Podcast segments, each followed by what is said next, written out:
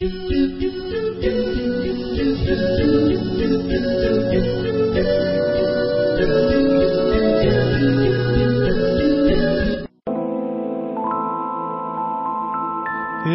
الأرواح يشفي الأتراح. هذا القرآن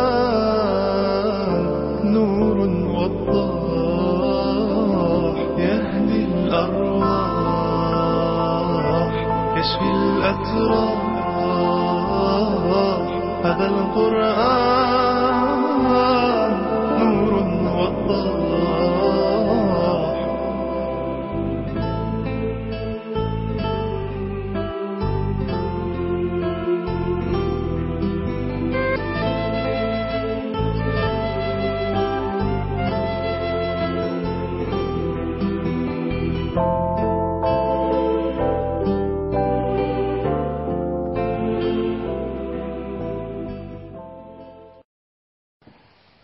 بسم الله الرحمن الرحيم والحمد لله رب العالمين والصلاة والسلام على سيدنا محمد وعلى آله وأصحابه أجمعين. أهلا بكم ومرحبا مرة أخرى مع سحر القرآن. في استعراضي لسحر القرآن كنت منذ عدة سنين وأنا أحضر في معاني إعجاز القرآن وسجلت أشرطة في ذلك وما زلت أبحث في سحر القرآن هذا الذي بهر أهل اللغة وأهل القانون وبهر كذلك أهل العلم وأهل الفلسفة وفي كل جوانب العلوم الإنسانية نجد أن للقرآن سحرا ليس كسحر البشر التافه هذا وإنما سحرا يسيطر على العقول والقلوب. وكنت أظن أني انتهيت من التحضير لنا عدة سنوات. لكن لما جئت لهذا البرنامج قلت خليني أجدد يعني وإذ بي أكتشف المزيد والمزيد وأرى في أقوال العلماء وفي كتبهم أشياء لم لم أعرفها من قبل ولم تخطر على بالي من قبل. وفكرت هل يمكن أن أوصل سحر القرآن لجمهورنا الكريم في ثلاثين حلقة؟ فقلت لا يمكن. فاكتفيت في هذه الحلقات بالسحر البياني للقرآن وجزء من هذا السحر البياني للقرآن. ولعلنا نلتقي إن شاء الله في حلقات أخرى مع إعجاز القرآن من الناحية من الناحية العلمية الفيزياء والرياضيات وغيرها. فنحن معكم ومع الإعجاز البياني للقرآن الذي أسميناه سحر القرآن. لو أنزلنا هذا القرآن على جبل لرأيته خاشعا لرأيته خاشعا متصدعا من خشية الله. عندما نتأمل في سحر القرآن مرة أخرى وجدت أن كل كلمة ساحرة يعني أنا لي كباقي الناس يعني حرص على أن أقرأ شيء من القرآن. لكني عندي حرص أن تكون لي عدة طرق في قراءة القرآن. أنا شخصيا أحب أقرأ القرآن بثلاثة طرق. الطريقة الأولى هي أني أنهي صفحات حتى أحاول أن أختم القرآن وهذا شيء إن شاء الله طيب ونشجعكم عليه. لكن لي قراءة أخرى للقرآن قراءة متأنية. أحاول من خلالها أن أستشعر المعاني وأتأمل في الكلمات وأنظر للجملة وأعيش مع القرآن. جربوها يعني إياكم أن تكون قراءتكم كلها للقرآن هي إنهاء صفحات. اقرأوا القرآن لإنهاء صفحات. حاولوا تختموه مثلا كل شهر مرة لا بأس. لكن لتكن لكم قراءة خليها تأخذ سنة. لا مانع. لكن عيشوا مع القرآن وتأملوا في كل كلمة. وإذا في شيء ما فهمتوه استعينوا بكتاب تفسير ولا مفردات قرآن. يقول الطبري عجبت لمن لا يفهم القرآن كيف يتلذذ به؟ وعندي قراءة ثالثة للقرآن. أحاول من خلالها أن أستنبط وأستخرج القوانين. هناك قوانين تحكم البشرية. غير قوانين الكون في قوانين للبشر. هذه هذه من إعجاز القرآن هذه القوانين. فأحاول أن أقرأ القرآن لاستكشاف هذه القوانين واستنتاج هذه القوانين. وتلك الأيام نداولها بين الناس. قانون. ما في أمة ستسيطر على كل البشر أبد الآبدين. ستتبدل سيادة الأرض بين الناس. إن الله لا يغير ما بقوم. حتى يغيروا ما بأنفسهم. هذا قانون. قانون يسيطر على حياة البشر. فحاولوا أن تقرأوا القرآن أيضا لاستكشاف القوانين التي هي في النهاية تعليق على قصة ولا على سرد لعدد كبير من الآيات حتى يصل إلى النتيجة الحكم. فهذا من جمال قراءة القرآن. سنأتي إلى هذا إن شاء الله في حلقات قادمة لكني في هذه الحلقة أكمل ما بدأته في الحلقة الماضية عن المفردة القرآنية الكلمة القرآنية. طبعا يصعب أن نمسك كل كلمة ونظهر جمالها. ولذلك أنا اخترت لكم مما كتبه سادتنا العلماء بعض هذه المفردات القرآنية. خلونا نتأمل مع بعض جمال كلمة أفرغ في قوله سبحانه وتعالى ربنا أفرغ علينا صبرا. أفرغ يعني كأن في إناء يفرغ في إناء ثاني. فيفرغه والإناء الثاني يصبح مملوء. إذا كأن الدعاء هنا يقول يا رب أفرغ علينا صبرا يعني صب الصبر داخلنا. فتأملوا ما يثيره هذا المعنى كلمة أفرغ في النفس من طمأنينة يحس بها من هدأ جسمه بما يلقى عليه. هذه الراحة تشبهها تلك الراحة النفسية التي ينالها من من منح هبة الصبر الجميل ومن هذا من دقة القرآن في استخدام الألفاظ. هذا استعارة أفرغ توحي باللين والرفق عند الصب. أفرغ يعني صب بهدوء. فالله سبحانه وتعالى يستعمل هذه الكلمة فيها حديث عن الصبر لكنها من رحمة الله عز وجل. بينما لما يأتي الله سبحانه وتعالى يستخدم موضوع العذاب ماذا يقول؟ يقول صب. فقال عز وجل فصب عليهم تجدها في قوله تعالى فصب عليهم ربك سوط عذاب. صب. فإذا هي مؤذية بشدتها. أفرغ هادئة لينة. صب. فيها قوة وشدة. وقد يزداد الأمر ويشتد الأمر المعنوي وضوحا في النفس ويقوى لديه قوة تجعل الإنسان سبحان الله لما يوقف الإنسان عند الكلمة يحس بمعناها يعني. خلونا ناخذ مثال. لما الله سبحانه وتعالى يقول إنا لما طغى الماء حملناكم في الجارية. هنا قصة تكلم عن قصة نوح عليه السلام. لما انتشر الماء الطوفان وسيطر على الأرض وملأ الأرض كلها عند ذلك حمل الله سبحانه وتعالى نوح عليه السلام والمؤمنين معه وزوج من كل حيوان في السفينة التي تجري. انظروا أنا يعني لما وقفت عند هذا التعبير القرآني عجيب. طغى الماء. طغى. هنا كان الطغيان المؤذن بالثورة والفوران. يشبه, يشبه الله سبحانه وتعالى به خروج الماء عن حده لما فيه من فورة واضطراب طغيان. الماء طغى سيطر. فكأن نشعر بمعنى الثورة. ممكن نأخذ هذا على نسق آخر. جاء في قوله تعالى وأما عاد فأهلكناهم.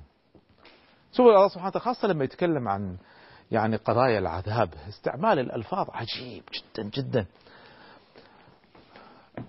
وأما عاد فأهلكوا بريح صرصر عاتية.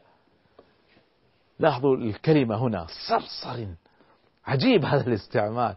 فأنا سبحان الله حتى قبل أن أقرأ كتب البلاغة قبل أن أقرأ, أقرأ كتب كنت لما أقف عند هذه الآية عجيب. الوصف عجيب واللفظة عجيبة. فهذه ريح مدمرة يشبه خروجها عن حدها بعنف وجبروت بكلمة صرصرة.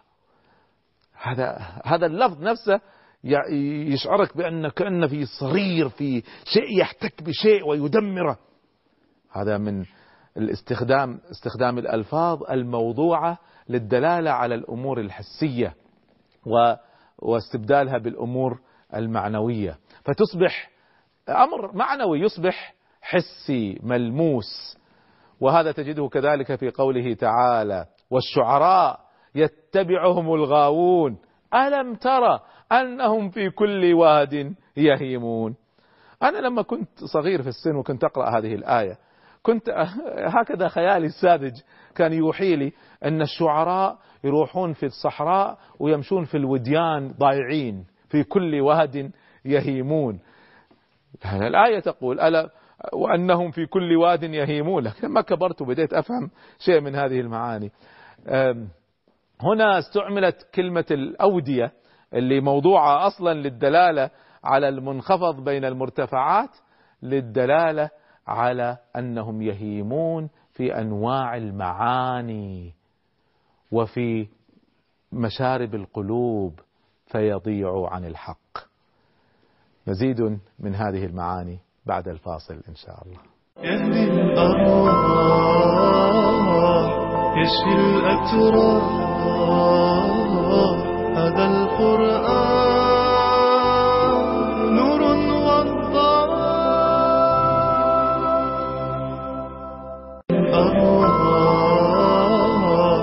والضوء يشفي الأتراح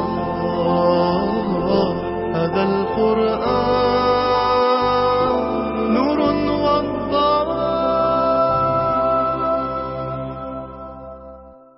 ما زلت معكم ومع سحر القرآن والمفردة القرآنية. أنا لما كنت أقرأ في القرآن مرة أخرى يعني سبحان الله الإنسان مع استمرار تعلمه وحرصه على أنه يعني يظل يتعلم إلى أن يموت. اللي يظن فينا أنه قد علم فقد جهل. واطلبوا العلم باستمرار. فأذكر أنا لما كنت أقف عند قوله تعالى فويل للذين يكتبون الكتاب بأيديهم. ثم يقولون هذا من عند الله ليشتروا به ثمنا قليلا. فويل لهم مما كتبت أيديهم وويل لهم مما يكسبون. كنت أتأمل في هذه الآية فأشوف كلمة بأيديهم كلمة زائدة ليس لها معنى. يعني يكتبون الكتاب طب يكتبون الكتاب بإيش؟ أكيد سيكتبوه بأيديهم. فما كنت أفهم أن وخاصة في ذلك الزمان يعني إحنا الآن عندنا كتابة بالكمبيوتر ولا واحد يقول كلام ويتحول كتابة بس في ذلك الوقت هل كان في شيء كتابة إلا باليد؟ فما فائدتها في الآية أن يقول يكتبون الكتاب. لو قال يكتبون الكتاب بدون ما بأيديهم كانت بالنسبة لي تكفي. لكني لما نظرت في كتب التفسير وتكلموا عن هذه المسألة يعني أحيانا الإنسان من جهل لا يعرف أن هناك معنى وراها. النص يقول أن أولئك المحرفين لكلام الله تعالى كتبوه بأيديهم فيه زيادة تشنيع عليهم فيه تقريع وتقبيح لأفعالهم لأنهم قد باشروا هذا الصنع السخيف تغيير آيات الله. بأيديهم. كان يمكن يقال كتب زيد كتابا. في العرب يقولون لو كتب كيت زيد كتابا. يكون ما كتب بيده يكون أملاه. قال للكاتب عنده أكتب. فيقولون كتب عمر إلى فلان. عمر ما كتب بنفسه أمر واحد يكتب. فهنا الله سبحانه وتعالى يقول لا هؤلاء كتبوا بأيديهم فيه مبالغة في في إخفاء الحقيقة حقيقة التزوير. فيه مبالغة في إخفاء حقيقة التزوير التي جرت لمخادعة الذين يريدون أن يزوروا عليهم. فيه تدليس فيه تلبيس عليهم في أنهم لا يثقون بغيرهم. هم لم يأمروا أحدا هم فعلوه بأيديهم من باب السرية أكثر حتى يحفظوا السر. فهم فعلوه ثم قالوا هذا من عند الله. فيجد ثم يقولون هذا النظم القرآني العظيم يدل على أنهم كانوا يخفون ما يكتبون حتى تمر عليهم مدة طويلة. شوف كلمة ثم معناها بعد زمن ف معناها فورا. ثم إذا في فترة فكتبوا الكتاب وأخفوه فترة طويلة. ثم نسبوه إلى الله تعالى فلا يجدون معارضا لصنيعهم لأن الزمن قد تقادم ونسي الناس حقيقة الأمر الأول. فهذا من عجائب القرآن. من الآيات أيضا التي فيها استعمال دقيق لكلمة معينة. كل طبعا كل الآيات فيها استعمال دقيق لكلمات بس أنا أريد أن أقف على هذه الآية. قول الله سبحانه وتعالى قال ومن كفر. فأمتعه قليلا ثم أضطره إلى عذاب النار وبئس المصير.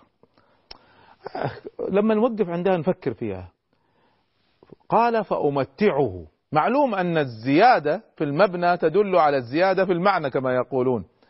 متع تدل على الكثرة. متع يعني كثرة المتع كثرة النعيم. فكيف وصف مصدرها بقوله قليلا. كيف؟ متعة قليلة. فأمتعه قليلا. فكيف يصف الكثير بالقليل؟ عجيب. السبب في ذلك والله أعلم أن الله تعالى يقول مهما أغدق على ابن آدم من نعم الدنيا فهي قليلة بالنظر إلى نهايتها إلى نفاد وفناء. وفي النهاية هو سيهلك ويرحل عن الدنيا ويترك ما فيها. فمهما وصل من الغنى كما يقول الشاعر لعمرك ما يغني الثراء عن الفتى إذا حشرجت يوما وضاق بها الصدر. فكثر الفعل بعين صاحب هذا المتاع بينما هو في حقيقته قليل لأنه شيء يتعلق بالدنيا. فأي شيء في الدنيا مهما كان كثيرا مهما تمتع به الإنسان فهو قليل إلى جانب نعيم الآخرة. ويشبه هذا قوله تعالى ومن كفر فلا يحزنك كفره. إلينا مرجعهم فننبئهم بما عملوا. إن الله عليم بذات الصدور. نمتعهم قليلا في الدنيا يعني. ثم نضطرهم إلى عذاب غليظ. فهذا من المعاني الجميلة التي الله سبحانه وتعالى يشير فيها. مهما وصلتم من متع في الدنيا فهي قليلة. وذلك يصف نعيم الدنيا ومتع الدنيا بأنها قليلة. من الآيات التي أيضا فيها دقة آه، وكل الآيات مرة أخرى بس مما نحب أن نشير إليه. قوله تعالى فإذا أمنتم. في في الآية يقول الله عز وجل حافظوا على الصلوات والصلاة الوسطى وقوموا لله قانتين.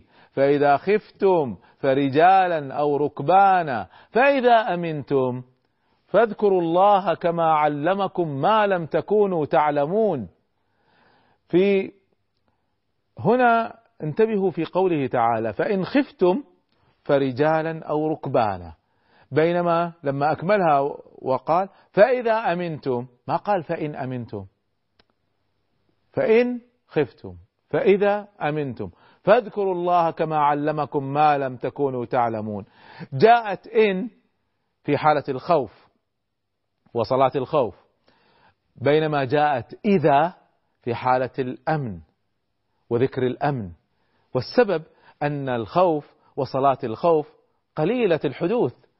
فيتناسب معها لفظ إن لأن إن شرطية بينما إذا تدل على الاستمرارية للأمن و والاطمئنان. فلأن الخوف وصلاة الخوف قليلة قال إن. بينما لأن الأمان هو الأساس والسلام والاطمئنان هو الأساس فصارت إذا.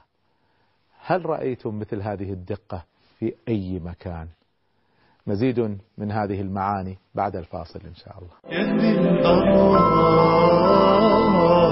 يشفي الأتراح هذا القرآن نور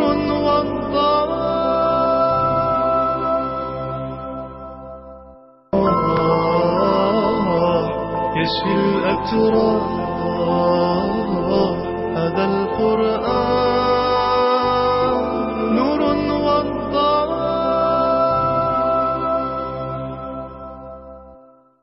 زلت معكم ومع دقة الكلمة القرآنية. من الأمثلة الحقيقة التي أذهلتني لما وهذه ليست من اكتشافاتي هذه مما هو في كتب العلم والبلاغة. دقة القرآن في الحديث عن قتل الأولاد الإجهاض. يقول الله سبحانه وتعالى عند الحديث عن هذا الإجهاض لا تقتلوا أولادكم. يقول تعالى قل تعالوا أتل ما حرم ربكم عليكم. ألا تشركوا به شيئا. وبالوالدين إحسانا ولا تقتلوا أولادكم من إملاق. نحن نرزقكم وإياهم. انتبهوا هنا. نحن نرزقكم جاءت نرزقكم أنتم أولا وإياهم جاءت ثانيا. خلونا نكمل. نحن نرزقكم وإياهم ولا تقربوا الفواحش ما ظهر منها وما بطن ولا تقتلوا النفس التي حرم الله إلا بالحق. ذلكم وصاكم به لعلكم تعقلون. هنا قدمها نرزقكم وإياهم. سنجد في الآية الأخرى نرزقهم وإياكم. ليه؟ هنا في هذه الآية جعل سبب قتل الأولاد ما يعيش فيه الآباء من الفقر. عائلة فقيرة حملت المرأة. فيبدأ الكلام بين الرجل وامرأته أن والله إحنا فقراء ما نتحمل ما عندنا. فخلينا نعمل إجهاض حتى ما يجينا أولاد زيادة لأن ما عندنا رزق. فالله سبحانه وتعالى قال لا ممنوع تقتلوا الأولاد ممنوع تعملوا إجهاض بهذا السبب. لماذا؟ لأن الله سبحانه وتعالى سيرزق الآباء. نحن نرزقكم ثم ذكر بعدهم رزقه الأولاد فقال وإياهم. لأن المشكلة هنا هي في قضية الآباء أن الآباء ما عندهم رزق. فتأملوا في هذا المعنى. قدم الوعد برزق الآباء على رزق الأولاد لأن الخطاب هنا هو للفقراء. الفقراء الذين يريدون أن يعملوا إجهاض خشية الرزق. فكأن السياق يشعرنا بتشفيع الأولاد في رفع فقر الآباء. يعني لو كملت أنت خايف أن الله سبحانه وتعالى ما يرزقك؟ سيرزقك بهؤلاء الأولاد. فكأنه يقول لهم إنما ترزقون بهم فلا تقتلوهم. يمكن لما يأتي هذا الولد هو يكون سبب الرزق. فنحن نرزقك وإياهم فلا تقتله إذا الترتيب هنا جاء بالرزق للآباء أولا. بينما بخلاف هذا جاء في سورة الإسراء. يقول الله عز وجل ولا تقتلوا أولادكم خشية إملاق. نحن نرزقهم وإياكم. إن قتلهم كان خطأ كبيرا. لاحظ الأولى كانت من إملاق. إذا الناس فقراء. هنا الحديث عن خشية إملاق. إذا هل هم فقراء؟ لا هم ما زال عندهم أموال. لكن خايفين من المستقبل خشية إملاق. إذا الخطاب في هذه الآية للأغنياء لأن الخوف هنا من شيء لم يقع بعد. الإملاق اللي هو الفقر لم يقع بعد خشية إملاق. ولذلك قدم الوعد برزق الأولاد على الوعد برزق الآباء. فقال نحن نرزقهم وإياكم. فتأملوا في هذا المعنى العجيب. لما كان الناس في حالة فقر وعدهم هم بالرزق أولا. لما هم في حالة غنى وخايفين لو جاء الولد يصيبهم فقر قالوا لا لا تخافوا نرزقهم. أنتوا أنتوا عندكم المال الآن. مثل ما يقولون رزقه سيأتي معه. أختم حلقة اليوم بكلمة عجيبة في القرآن الكريم. كلمة ضيزة يقول سبحانه وتعالى في سورة النجم ألكم الذكر وله الأنثى؟ تلك إذا قسمة ضيزة كلمة ضيزة هذه فيها استفهام فيها توبيخ فيها سخرية فيها تهكم. معنى الآية عجبا لكم يا معشر قريش تجعلون لأنفسكم النوع المحبوب لديكم اللي هم الأولاد الذكور وتجعلون لله عز وجل النوع المذموم في نظركم. طبعا ما في فرق بين الرجل الذكر والأنثى عندنا في الإسلام. لكن هذه نظرة الكفار. أنتم اخترتم الذكور لأنفسكم واخترتم الإناث اللي أنتم تذموهم لله عز وجل. تلك إذا قسمة ظالمة جائرة غير عادلة حيث جعلتم لله ما تكرهون. يقول حجة الأدب العربي مصطفى صادق الرافعي رحمه الله تعالى يقول في القرآن الكريم لفظة غريبة هي من أغرب ما فيه وهي كلمة ضيزة في قوله سبحانه وتعالى تلك إذا قسمة ضيزة يقول هذه الكلمة ما حسنت في كلام قط. يعني ما عمرها في واحد عربي استعملها بشكل جميل. كلمة ثقيلة ضيزة إلا في موقعها في القرآن الكريم.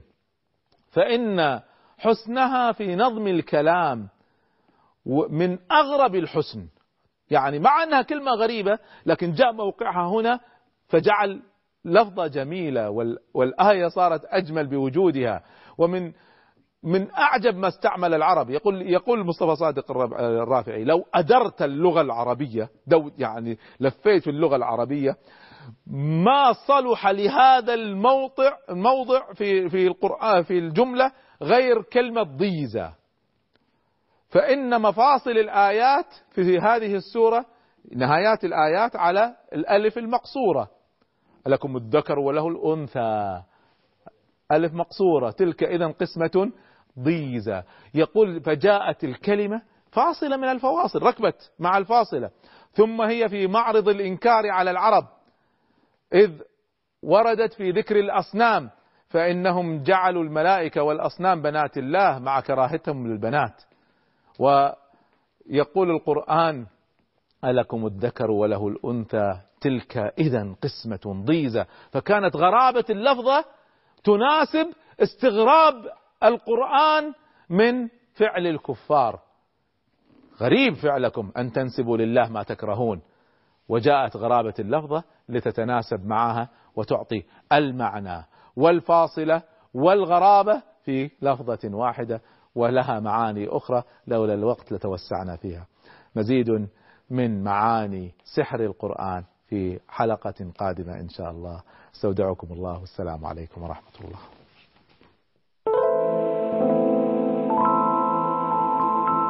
يهدي الأرواح يشفي الأتراح. هذا القرآن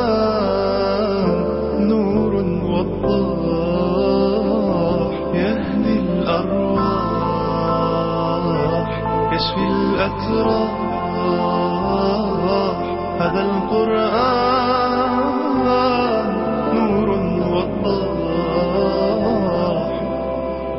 جمال بيانه فينا يروينا ويحيينا. جمال بيانه فينا يروينا ويحيينا. هو معجزة إلى الأفلاك يعلينا هو القرآن معجزة إلى الأفلاك يعلينا يهدي الأرواح يشفي الأتراح. هذا القرآن نور وضاح يهدي الأرواح. يشفي الأتراح هذا القرآن.